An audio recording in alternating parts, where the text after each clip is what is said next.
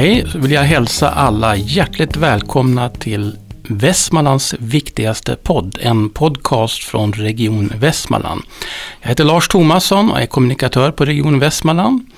Och vi fortsätter på tema forskning och med mig i studion idag har jag Åke Tegelberg, professor och specialisttandläkare, samt Eva Nollert, medicine doktor och verksamhetsutvecklare på Centrum för klinisk forskning. Och det här är två stycken tandläkare i grund och botten som vi ska tala med idag. Vi kommer prata om tänder och tandhälsa och också lyfta perspektivet på det lite grann. Eh, ni har ju skrivit ganska nyligen om att var tionde vuxen anses ha en ganska dålig eller mycket dålig tandhälsa.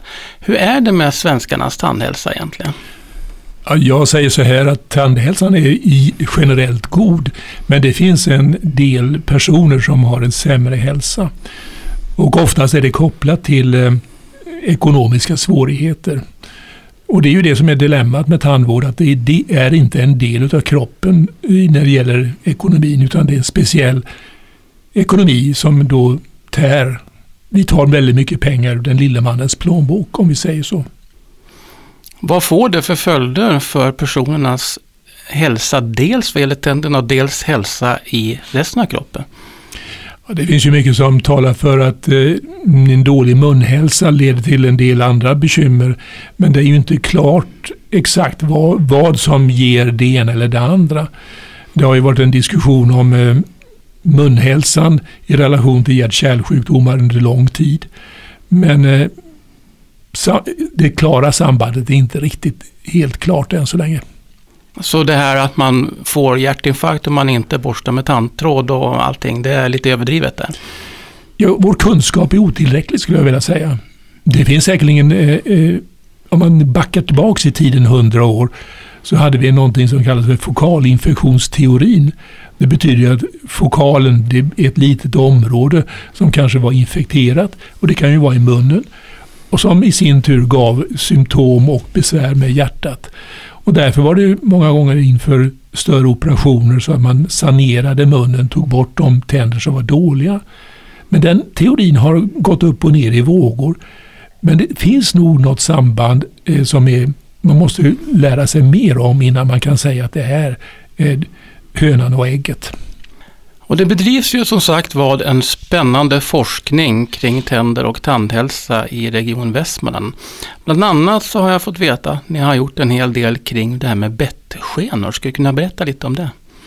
Ja, då får jag väl fortsätta då och säga att det är en mycket spännande utveckling så tillvida att, att eh, när det kom på tal eh, på början på 90-talet så var den gängse behandlingsform av sömnapné, alltså andningsuppehåll under sömnen, var att man, låt mig säga, gjorde luftröret större genom att plocka bort mycket av svalget, eh, mjukvävnad, i en operation.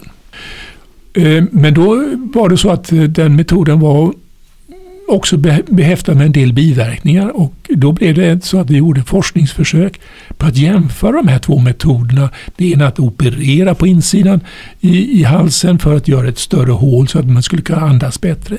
Eller att använda en apnébettskena som vi kallar den genom att förflytta fram underkäken, alltså dra fram byrålådan undre byrålådan så att det blir lättare att andas. Vi använde alltså en mekanisk del som i sin tur ledde till att vi förbättrade andningen. Och den här jämförelsen gjorde vi då vi slumpmässigt. Den ena blev opererad och den andra fick den här behandlingen och det visade sig resultatmässigt, både på kort sikt och på lång sikt, att bettskenan som sådan var överlägsen kirurgin. Och det spännande med det hela, det tog ett antal år men sen vände också hela vårdapparaten. Alltså att idag internationellt och nationellt så är det så att bettskenan är en gängse behandlingsmetod och en primär behandlingsmetod på de som har lätta eller måttliga symptom. De allvarligast sjuka de, de eh, får en en omvänd dammsugare skulle man kunna säga. Som en sån andningsmaskin? Som man... Ja, som pumpar in luft helt enkelt. Som heter, kallas i dag, dagligt tal för CPAP. Det betyder egentligen att den kontinuerligt pumpar in ett övertryck så att man, det som faller ihop i svalget och, och blir alltså öppnat genom det här övertrycket. Och så den, de som har bettsken de kan alltså tacka forskningen i Västerås i stor del? Ja, det ska man kunna säga. De har inte lika, lika ofta blivit opererade. Utan man har den här prylen i natt, till natten. Nackdelen med den är att man måste ha den i munnen.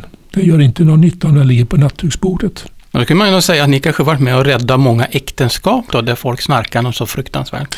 Jajamensan, jajamensan. Vi skrev, en, vi skrev en artikel om, eh, om sovkamratens situation. Yeah. Och den innebar ju egentligen då att eh, sovkamraten fick nästan lika bra effekter som den som låg vid sidan om. För den fick mer sömn helt enkelt. Man brukar säga att den, sovkamraten får ungefär en timme kortare sömn per natt om den ligger i samma rum som en snarkare. Och då minskar vi snarkningen med beskenan. Ja, då blir det bättre sömn hos sovkamraten. Så det var väl egentligen vår framtidsmelodi. Vi behandlade en person och fick effekter för två. Ja, men det är ju makalöst. Mm. Eva, vad är det mer för forskning som bedrivs och har bedrivits på Centrum för klinisk forskning vad gäller tänder och tandhälsa? Ja, jag kan ju prata ur min egen synvinkel. Eh, jag har speciellt sysslat med rökning och rökavvänjning. Och eh, det är ju ett jättestort problem som dödar många, skadar många, dödar många och kostar jättemycket pengar. Man uppskattar det till att 40 dör varje dag i Sverige av rökningsrelaterad sjuklighet. Och eh, det kostar 40 miljarder kronor varje år för, för det svenska samhället. Så att det, det, är ett jättestort problem som får, påverkar folkhälsan otroligt mycket.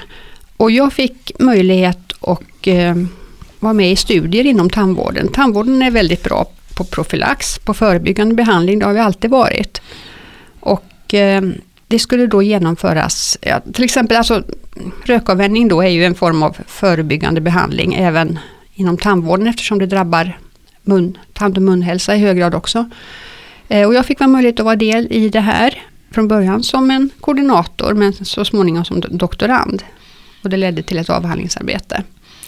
Och det har, eh, ja, vi har visat att tandvården är en, en väl fungerande enhet, inte bara för rökavvänjning utan i förlängningen även för andra folkhälsointerventioner som till exempel kolla högt blodtryck och diabetesprevention och så. Så är tandvården delvis underskattad när det gäller att höja hälsoläget i största allmänhet? Ja, det är nog en delvis outnyttjad resurs. Kanske ligger det i att eh, vad som är fördelen med tandvård är ju att vi har regelbundna kallelser av patienter. Oavsett om de vill eller inte så hör tandvården av sig. Det är ju inte så med sjukvården, där hör man ju av sig själv. Och just detta att, att vi har haft så mycket tandsjukdomar som är på återgång till att mer friska munnar gör ju att vi har fått ett mönster att vi kallar och människor kommer till regelbunden vård. Och då är då kan man säga, det är den finaste formen av möjlighet till hälsoscreening. Om man skulle återknyta till just det här med rökning och tänder då. Hur är hälsosambandet där? Får man alltså sämre tandhälsa om man röker? Man får helt klart sämre tandhälsa om man röker. Det påverkar till exempel fästet på tänderna. Man har betydligt mycket mer tandlossning om man röker. Eh, det påverkar om man behöver göra ingrepp. Eh, kirurgi, det läker sämre implantat som många får nu för tiden. De har sämre överlevnad hos rökare. Sen eh, finns det ju det här som man har talas om att ätstörningar och tänder också hänger ihop. Skulle ni kunna förklara vad ni har kommit fram till där? Ja, eh, vi har eh, tittat på vad tandläkare kan och vet och hur de, om ätstörningar och hur de hanterar det. För att kan tandvården var med i ett tidigt skede. I, precis som Åke sa så träffar vi ju nästan alla, hela befolkningen regelbundet. Och ätstörningar kan synas väldigt tidigt i munnen, på tänderna. Och kan vi då vara med och hitta de här patienterna och få dem under behandling i ett tidigt skede så vinner man väldigt, väldigt mycket. Och vi har då tittat på vad, vad kunskapen är. Och den, den brister man, förmodligen så är inte ämnet tillräckligt inkluderat i utbildningarna i dagsläget. Vi har sett att eh, mycket av den kunskapen som tandläkarna har, har de fått från allmänna medier. Och sen är det inte helt klart heller hur, hur man ska hantera de här patienterna om man nu lyckas identifiera någon, vad, vad man ska skicka dem, vem ska, som ska ta hand om dem. Så där finns det mycket att göra för att ge de här patienterna den bästa behandlingen. Man kan alltså upptäcka ätstörningar vid tandläkarbesök? Ja. Vad är det man ser då för någonting? Till exempel kan man se det, det många av de här patienterna kräks ju. Och eh, man kan få sådana här erosionsskador typiska erosionsskador som man kan se i ett tidigt läge. Det är ett exempel.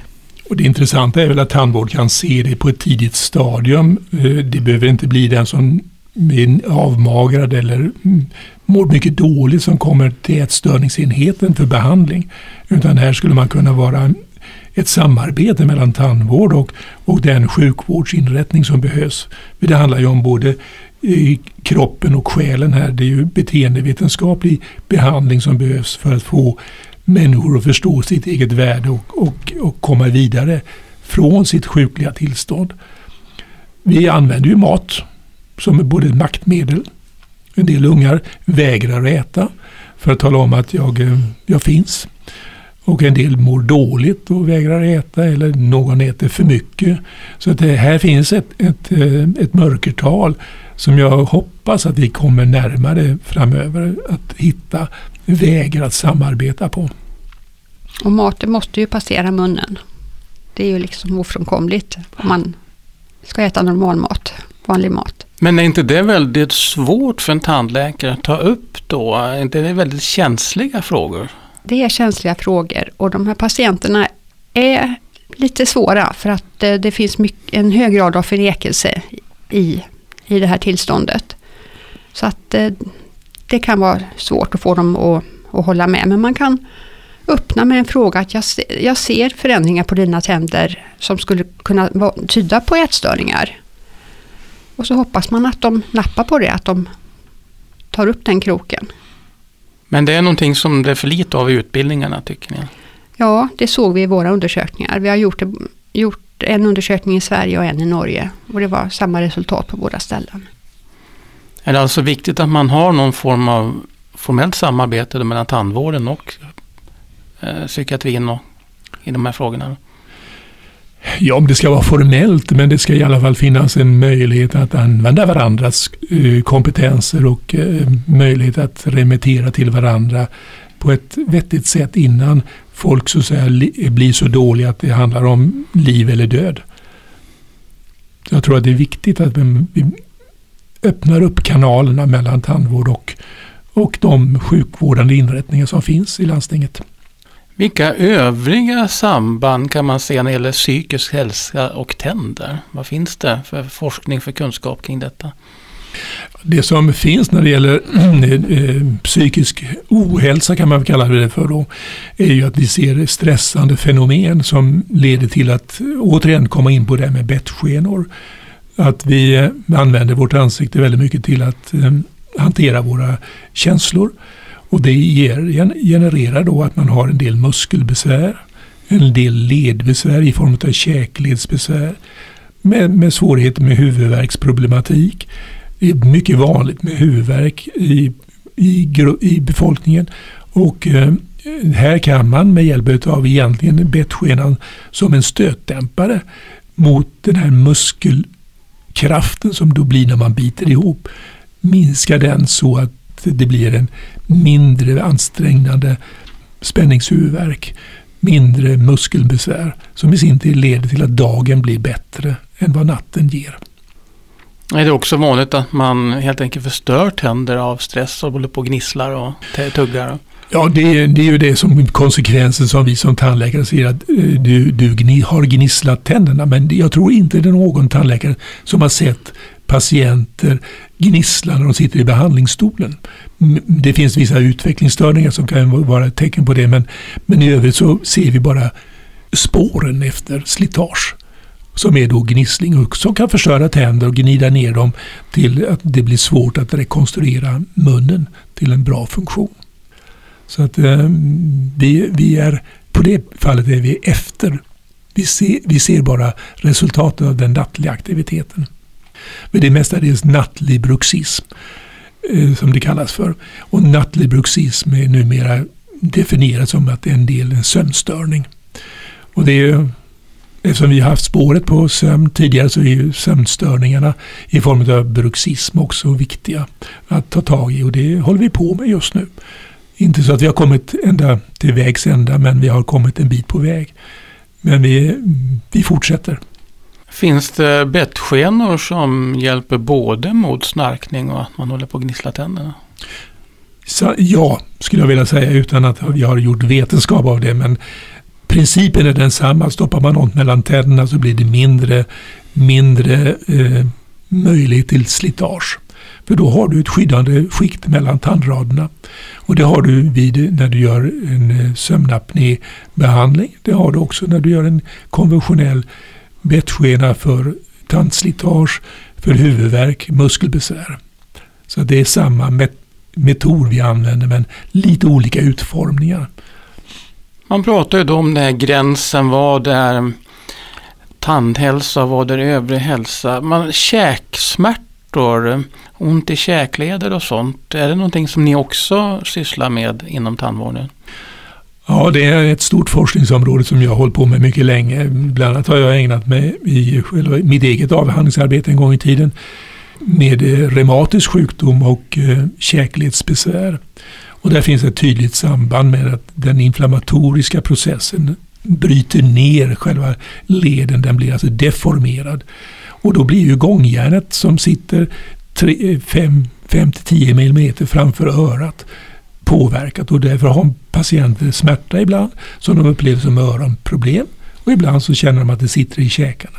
Så vi har haft ett nära samarbete mellan öron, näsa, halsklinik och eh, den bettfysiologiska kliniken på tandvården för att se vad är felet någonstans och vad kan vi hjälpa till med.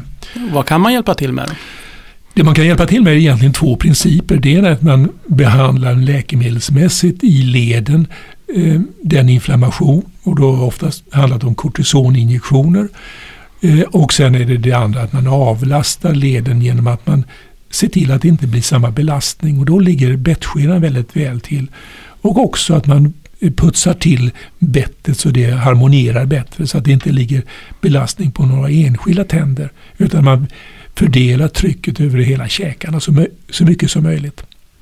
Men det är en intressant eh, sak när det gäller injektion, då, läkemedelsbehandling som vi pratar om, som vi har gjort en ganska nyligen studie här i Västmanland.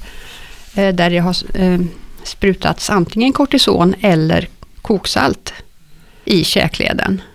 Och vi fick samma resultat. Det blev lika bra smärtlindring mm. i, i, båda grupperna. Ingen skillnad alls, men det blev mera biverkningar i den gruppen som fick kortison. Så det är alltså placeboeffekten som har mest betydelse här? Nej, inte riktigt, men du, du är inne på spåret. Mm. Eh, det beror på vad man har för diagnos. I det fallet som jag talar om när kortison används som i samband med ledsjukdomar. Då har man en generell allmän ledinflammationsaktivitet. Och då är kortisonet sannolikt bättre. Men däremot om man bara har ont över leden och man tycker att vi tror att det skulle kunna hjälpa med kortisoninjektion. Så blir vi överraskade över resultatet att det gick lika bra med koksalt. Så det är liksom lite olika nivåer. När det finns en allmän sjukdom med i bilden så kanske kortisonet är starkare. Men när det är bara lokalt eh, relaterad smärta framför örat så är det kanske lika väl, går lika väl med att spola käkleden med koksalt. Så själva spoleffekten har betydelse? Ja, sannolikt så är det så att man minskar eh, antalet inflammationsceller som finns och därmed inflammationsaktiviteten. Men vi, en, vi har gjort det i en studie. Vetenskap kräver oftast att det ska vara två studier för att man kan säga att det är likvärdigt resultat. Så vi får väl se vad, men det blev en ögonöppnare för oss som har sysslat med att ge kortisoninjektioner i många herrans år. Men det är alltså rykande färsk forskning från Västerås? Ja. ja. Förra året. Mm. Kommer den publiceras eller har den publicerats? Den är, den är publicerad. Ja. Och jag ska ta med den till en konferens i San Francisco i september hoppas jag, den studien. Spännande, mm. gratulerar. Mm, tack. När det gäller då karies så läste jag någonstans att 90-åringar idag har ungefär lika bra tandhälsa som 19-åringar hade 1920. Ligger någon sanning i det? Att vi har fått en dramatisk förbättrad tandhälsa när det gäller just karies? Ja, stämmer mycket väl. Den stora revolutionära eh, revolutionen var nog 1968. Det var mycket som hände 1968 men då kom fluortandkrämen till allmänt bruk. Då startade det med att vi kunde medicinera oss själva med det mest frekventa läkemedel vi har och det är fluor. Och det gjorde man ju, fick in det att eh, barn och ungdomar och vuxna började använda fluortandkrämen eh, en till två gånger om dagen istället för att det var fluorsköljning i skolan en gång var fjortonde dag. Så det här är plötsligt på eh, 14 dagars period så istället för en fluorsköljning så blev det nu 28 stycken. Och det tror jag var en, en stor framgång när det gäller, gäller att reducera antalet kariesskador. Och det har ju hållit på och det är klart att eh, då är det ju så att det har ju skett en förändring. Så att 90-åringen har ju också fått vara med om fluorsköljningens experiment på oss under lång tid. Och det ger ju resultat. Och sen har det ju varit en ganska allmän tandhälsoinformation om både karies naturligtvis men också om tandlossning. Att man har lärt sig borsta tänderna på ett vettigare sätt. Man gör rent mellan tänderna så man får behålla tänderna fler. Och då kan vi säga om man räknar då på antalet tänder som finns kvar hos en 90-åring kontra då en 19-åring så kanske det finns en sanning i detta. Har eltandborsten betytt någonting? Det tror jag inte vi vet ännu, men mycket talar för att eh, eltandborsten gör något renare än den vanliga tandborsten. Så den reklam som finns är inte helt ogrundad om att eltandborsten är bra. Den ser vi på tv ganska ofta, denna reklam om den roterande tandborsten. Mm. Som kan bli en kompis och som gör faktiskt eh, gott för tandköttet. Det finns ju en del som påstår att de har då en nedsatt salivfunktion. Mm. Är det sant eller är det ett svepskäl för att inte man har borstat tänderna ordentligt? Eller finns det verkligen en sån sånt problem? Ja, det, det finns eh, både de som upplever att de är torra i munnen och de som har en nedsatt salivsekretion som vi kallar det för, mängden saliv som rinner till. Saliven är ju den viktigaste försvarsmekanismen vi har. Försvaret ligger i saliven och dess komposition. Så att det är både en kvantitet och en kvalitet i saliven som är viktig. Och en del har bekymmer med detta och som har då blivit misshandlade Eh, av sin omgivning och kanske tandläkare också genom att säga att ja, du borstar dina tänder så dåligt och du äter så mycket felaktigt. Och så har egentligen då angreppsfaktorerna inte varit så stora utan de har varit ganska duktiga på att hålla reda, reda på det. Men deras försvar har varit så dåligt så att angreppet har blivit större.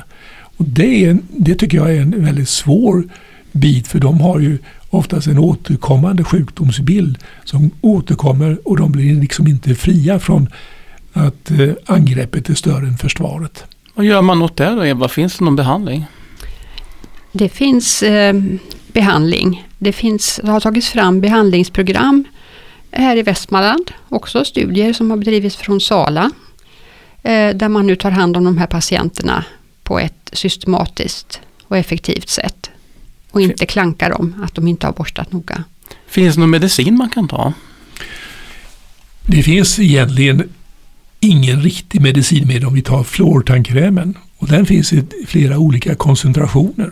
Och det som egentligen inte har slagit igenom så mycket, det finns en fluortandkräm som är, har eh, fem gånger så hög fluorhalt som skulle kunna vara ett extra skydd för de som eh, eh, har återkommande besvär. Jag tror inte vi skriver ut den är dyrare. Så det är en egen kostnad i det och en del undviker då att de har inte råd med den biten. Men skulle kunna på sikt vara kanske billigare än att få lagat ett antal nya tänder. Jag ska återvända bara snabbt till det här med fluor. Man stöter ju på olika sajter på Facebook och internet i största allmänhet. Man pratade om att fluor skulle vara så farligt och att det nästan, nästan är konspiratoriska ordalag. Att det här är en sammansvärjning som gör oss sjuka och eh, Big Pharma och så vidare som har lurat på oss fluor. Vad, vad finns det för fakta om fluorens negativa sidor? Eller finns det några överhuvudtaget? På, på 80-talet var jag med i debatten ganska mycket men jag har liksom klingat av i mina tankar just nu. Men, eh, men eh, då var det ju väldigt mycket för fluor eller mot fluor. Och miljö, miljövännerna vill ju vara emot fluor och en del sa att det var en tvångsmedicinering för man hade ju till exempel i vår grannkommun Eskilstuna så har man nat naturligt fluor på 1,0 eh, ppm som den delen man mäter i. Och här i Västerås har vi bara en tiondel av den, den mängden. Och den här 1,0 ppm är en så viktig del för att eh, höja tandhälsan. Så att fluor har ju haft effekter i form av, att man kan se på hela befolkningen i Eskilstuna, de har bättre tänder än vad de har i andra städer som inte har lika, lika mycket fluor i vattnet. Så att det, naturligtvis är det, eh, är det ju så att man känner att det kan finnas en tvångsmedicinering men det är ju ingen som har kunnat visa på skador på grund av fluor i lagom dos. Men är allting blir giftigt i tillräckligt stor dos? Ja. ja, och det är ju så med fluor också. Det är ju så med vanligt vatten också. Dricker du för många liter vatten så blir det problem. Det kan ju vara problem för de som har egen brunn som kan ha väldigt höga fluorhalter naturligt.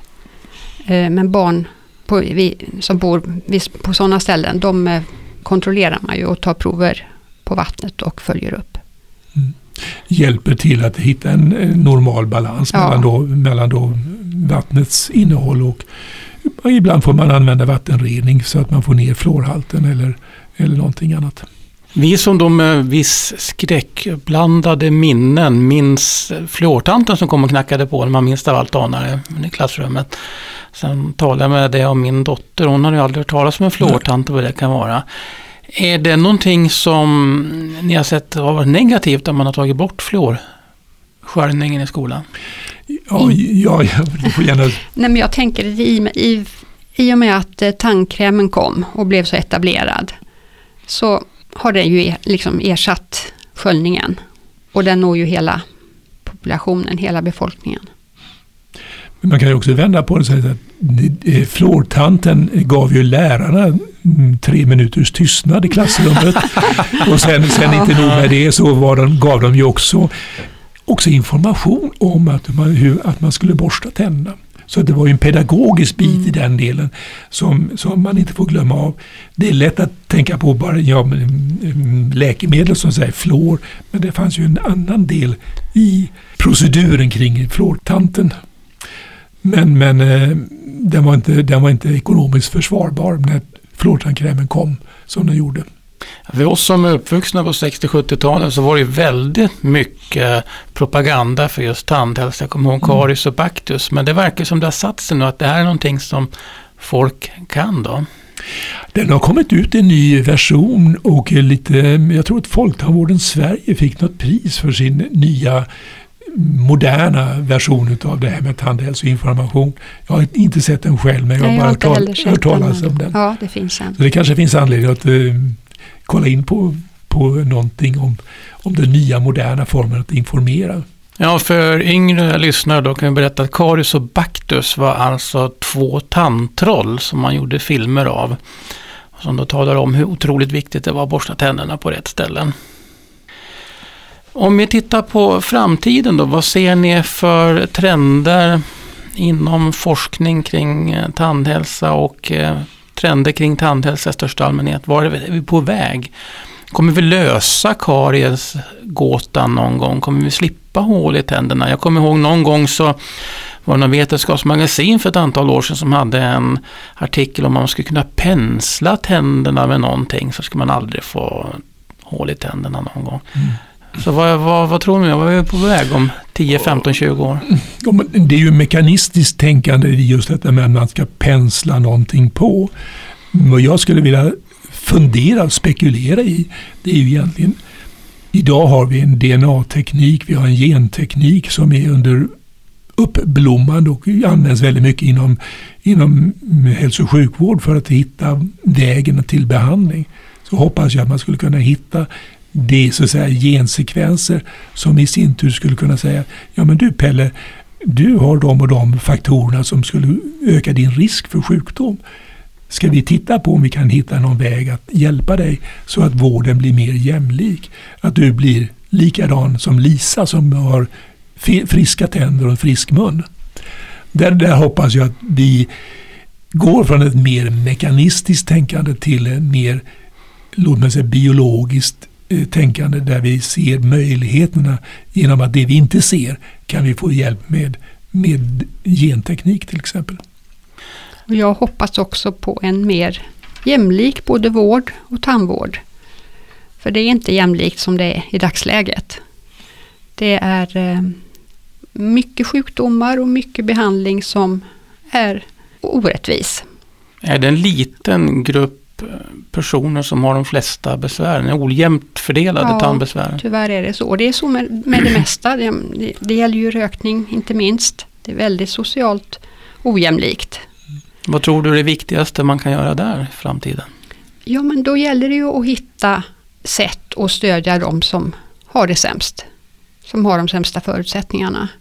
Och jag tänker också att eh, det här med pengar, det spelar ju jättestor roll. Så i, i framtiden om munnen kan bli en del av kroppen och ingå i det allmänna sjukvårdssystemet så skulle vi komma långt.